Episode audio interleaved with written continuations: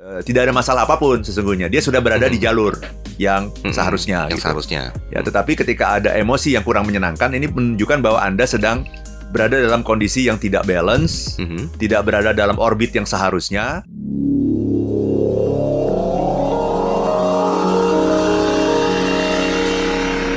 If you want to be happy, be happy now.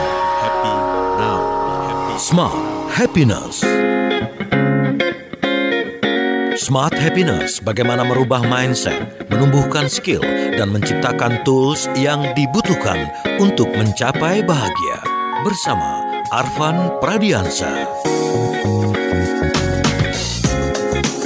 Selamat pagi Spesialis di seluruh Indonesia dan juga selamat pagi sahabat Sultan Network di mana pun Anda berada. Nah, saya Daril Adam menemani aktivitas pagi Anda di Jumat ini tentunya bersama dengan seorang motivator nasional leadership and happiness ada Mas Arvan Pradiansyah. Selamat pagi Mas Arvan. Selamat pagi, Mas Apa Daril. Apa kabar? hari ini? Alhamdulillah sehat luar biasa saya hari ini. Sama saya juga. Fast ya.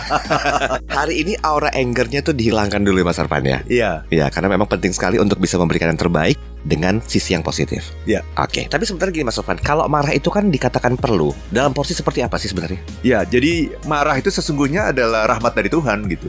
Jadi salah sekali kalau ada orang yang mengatakan bahwa marah itu adalah sesuatu yang buruk dari setan gitu ya. Hmm. Sesungguhnya tidak gitu. Marah itu kan sesungguhnya adalah sebuah emosi ya Mm-mm. yang dihasilkan dari sebuah peristiwa. Mhm. Dan marah itu sesungguhnya merupakan sebuah indikasi, Mhm. sebuah pertanda ada sesuatu yang salah yang perlu segera kita perbaiki gitu. Mhm, mhm. Itu Mas Darul. Jadi sebisa mungkin kalau marah itu uh, boleh, tapi perlu dikelola gitu ya. Betul, betul. Nah, hari ini kita akan bahas topik kita adalah uh, Happiness at Work series. Ya, kita sudah ini sudah yang ketiga ya. Kita membahas mengenai Happiness uh, at Work series. Jadi ini uh, seri-seri mengenai uh, happiness di tempat kerja ya. Mhm. Kebahagiaan di tempat kerja. Oke. Ya dan uh, pada pagi hari ini kita mengambil tema mengenai bagaimana ya mengelola marah di tempat kerja. Karena Mhm. marah ini adalah sesuatu yang sering kali terjadi ya Ya, di betul. tempat kerja ya. Di mana-mana di mana pun kita bekerja pasti ada yang namanya marah. Mhm, mhm. Nah kita perlu membedah ini yang namanya marah ini sesungguhnya baik atau enggak ya.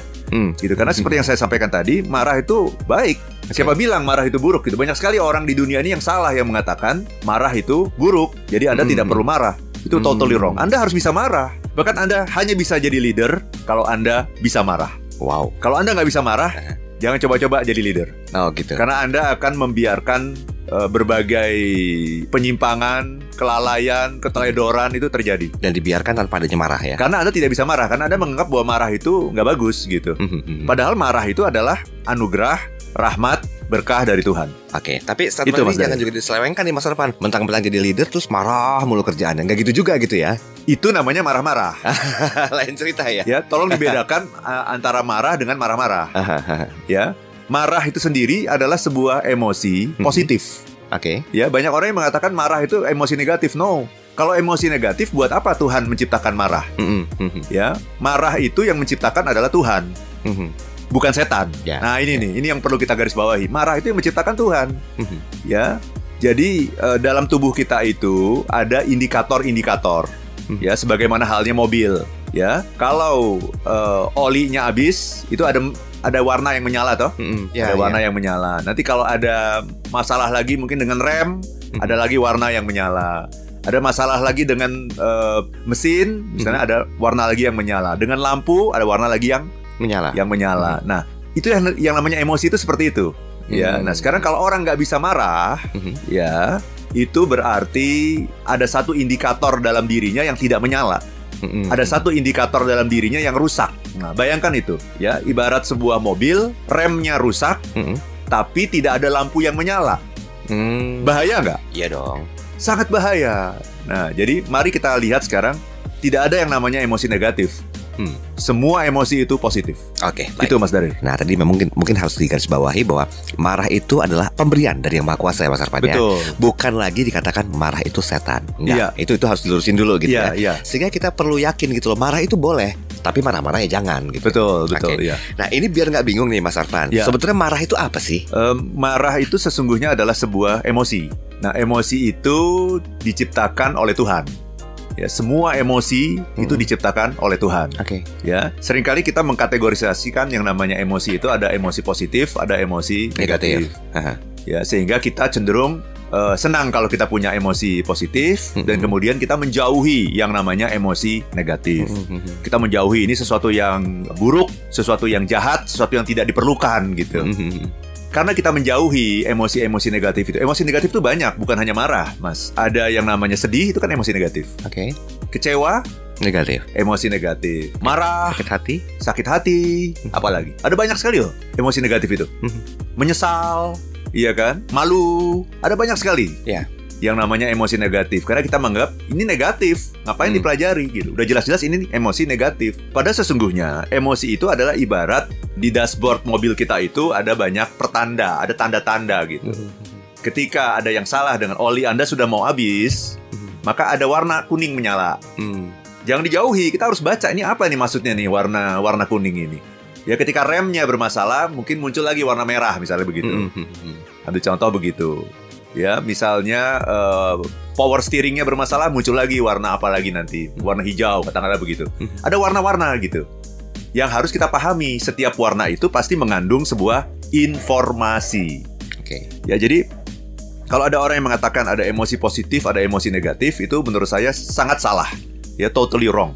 Semua emosi itu positif. Ya, kalau saya membedakan, ada emosi yang menyenangkan, Mhm. ada emosi yang kurang menyenangkan. Oh, Nah, jadi bukan gitu. positif atau negatif Bukan. ya, tapi menyenangkan dan kurang menyenangkan. Iya, emosi yang menyenangkan itu apa? Ya, gembira, ya eh, bangga, Nah. misalnya gitu ya, ya eh, bersyukur, eh, cinta, gitu-gitu. Mhm. Ya, kreatif, misalnya gitu. Semacam itu. Itu namanya emosi-emosi yang Positif. Menyenangkan. Yang menyenangkan, oh, Gitu itu kan. ya. Miss lagi. Tapi positif. ada lagi emosi-emosi yang tidak menyenangkan. Nah, ini. Oke. Ini kita harus pelajari gitu. Dan dia memberikan sebuah apa istilahnya? Dia terus mengikuti kita yang namanya emosi yang kurang menyenangkan ini terus mengikuti kita. Terus mengikuti kita sampai kita mampu menyelesaikannya gitu. Ya. Jadi memang tujuan dari emosi yang kurang menyenangkan itu, yang sering kali kita namakan emosi negatif itu, adalah terus ngikutin kita ke mana pun dia akan ngikutin kita, Mhm. sampai kita mampu menyelesaikan dia Mhm. gitu. Jadi orang yang misalnya marah, dia akan terus-menerus marah tuh, terus gitu. Ya, sampai dia mampu menyelesaikan apa yang menjadi penyebab kemarahannya. Ya, orang yang kemudian misalnya merasa bersalah, dia akan terus diikuti oleh rasa bersalah. Ya, sampai dia mampu menyelesaikan eh, persoalan yang sesungguhnya gitu. Jadi itu Mas Daril. Oke, tapi mungkin kalau penjelasan tentang yang menyenangkan kemudian tidak menyenangkan yang mungkin selama ini kita kenal dengan positif dan juga negatif Mas Arfan. Iya. Kan kita harus bisa tahu akarnya gitu loh. Iya, Penyebabnya betul. itu apa sih sebetulnya? Kok bisa ada dua hal yang kadang-kadang eh, banyak smart research dan juga mungkin saya itu fokusnya lebih ke hal yang menyenangkan gitu loh. Udah Iya. senang ya udah diinget-inget terus tanpa harus lupa, eh tanpa harus kembali melakukan apa ya flashback ke hal yang kurang menyenangkan itu sehingga Iya. udahlah nggak usah diurusin. Emosi yang menyenangkan itu eh, segera akan kita lupakan biasanya. Iya, Orang kan iya. kalau lagi happy, lagi gembira, lagi bersyukur, itu kan segera Hmm. lupa sama apa yang membuat dia merasa seperti itu gitu. Mhm, mhm, Tapi kalau yang namanya emosi negatif kan bayangkan ya, kalau pagi ini ada orang yang memaki kita, mhm. itu mungkin sampai sore belum lupa kan? Ya, Betul ya? ya, ya. Sampai malam juga mungkin belum lupa kan? Tancep banget ya. Sampai bulan depan mungkin juga masih belum lupa kan? Nah, kenapa seperti itu? Memang yang namanya emosi negatif itu, ya yang disering sering kali disebut orang emosi negatif itu atau emosi yang kurang menyenangkan itu memang diciptakan Tuhan membuat kita tidak gampang lupa. Hmm. Kalau emosi positif itu gampang lupa. Ya.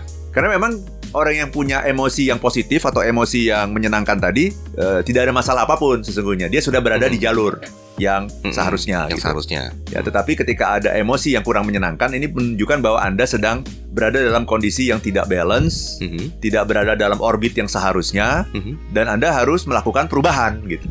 Hmm. Nah, supaya Anda bisa melakukan perubahan, maka Tuhan menciptakan emosi negatif itu selalu ngikutin kita Hmm. Sampai kita mampu menyelesaikan atau mungkin kita melupakan. Nah, sering kali yang terjadi adalah kita melupakan. Sebetulnya tidak lupa, itu tertanam di dalam uh, file kita, cuma ketumpuk di otak kita tuh ketumpuk saja gitu. Mhm. Akhirnya masuk ke dalam subconscious mind kita gitu. Itu yang akhirnya membuat kita menderita berbagai macam gangguan psikologis atau yang sering kali dikenal dengan psikosomatis gitu. Karena kita tumpuk terus tuh emosi-emosi nih yang kurang menyenangkan itu kita tumpuk terus di kepala kita. Tapi memang sudah tidak terasa lagi karena file-filenya sudah ditumpuk oleh Masalah eh, yang lainnya Masalah-masalah gitu ya. yang lain gitu. Oke, Mas Arfan, mengelola marah di tempat kerja. Tadi saya dengar sekilasan tentang audionya bahwa kalau misalnya kita pertahankan hal ini akan berimbas eh, buruk gitu loh di, di karir kita di tempat kerja. Apa kira-kira penyebabnya Mas Arfan? Kalau marah itu dinyatakan boleh sehingga Ya. bagaimana yang membuat kita tuh terancam karirnya di tempat kerja? Kalau kita tidak tahu bagaimana mengelolanya gitu. Hmm.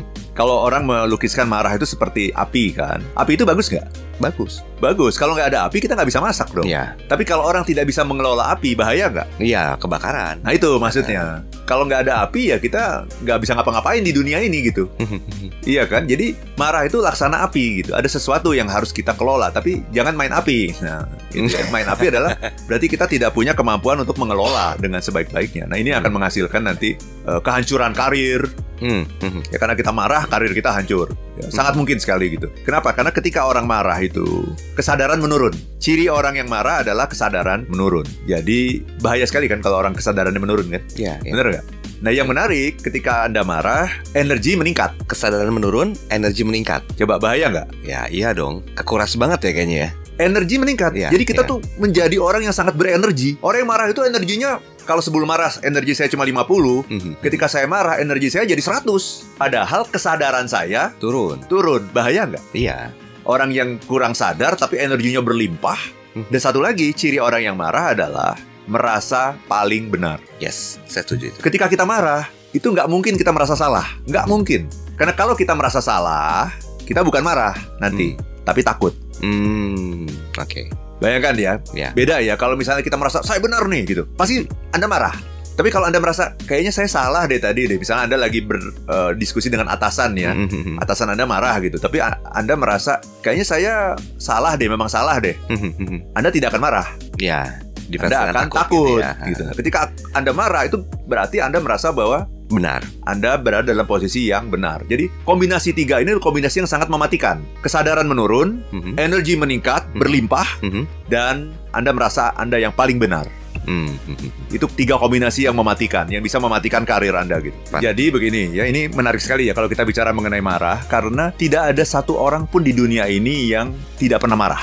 Mhm. Tidak ada. Orang yang sangat penyabar sekalipun itu pasti dia pernah marah, cuman tidak ketahuan sama orang lain bahwa dia marah. Gitu. Jadi banyak orang yang salah paham yang mengatakan bahwa saya nggak perlu anger management karena saya bukan orang yang pemarah, Mhm. saya orang yang penyabar. Mhm. Nah, biasanya orang yang penyabar itu meledakkan kemarahannya bukan keluar, ke dalam diri. tapi ke dalam. Itu namanya implosif, bukan eksplosif. Mhm. Nah, itu menjadi sangat berbahaya. Nah, penelitian membuktikan bahwa rata-rata orang dewasa dalam satu hari itu marah satu kali. Mhm. Mhm. Rata-rata orang dewasa, walaupun Oke. tidak ditunjukkan dengan marah-marah, tapi disimpan sendiri itu satu kali. Rata-rata orang dewasa merasa terganggu, merasa feel annoyed gitu ya, merasa kesal gitu dalam Mhm. satu hari itu rata-rata tiga kali. Mhm. Dan yang namanya kesal, terganggu itu sesungguhnya adalah bibit dari sebuah kemarahan yang jauh lebih dahsyat gitu. Awalnya pasti ada perasaan kesal, terganggu. Ya.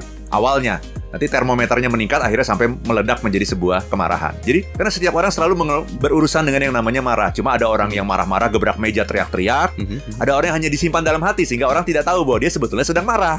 Oke. Nah, Ya. padahal ketika Anda marah, Anda harusnya menyampaikan Mhm. kepada bawahan Anda, kepada tim member Anda bahwa Anda sedang marah Mhm. supaya mereka tahu dan tidak bertanya-tanya. Jangan kalau marah diam aja gitu kan. Mhm. Tunjukkan, "Bu, saya marah. Kenapa saya marah? Karena ini. Tolong perbaiki perilaku kamu. Tidak bisa seperti ini. Ini melanggar nilai-nilai gitu." Mhm.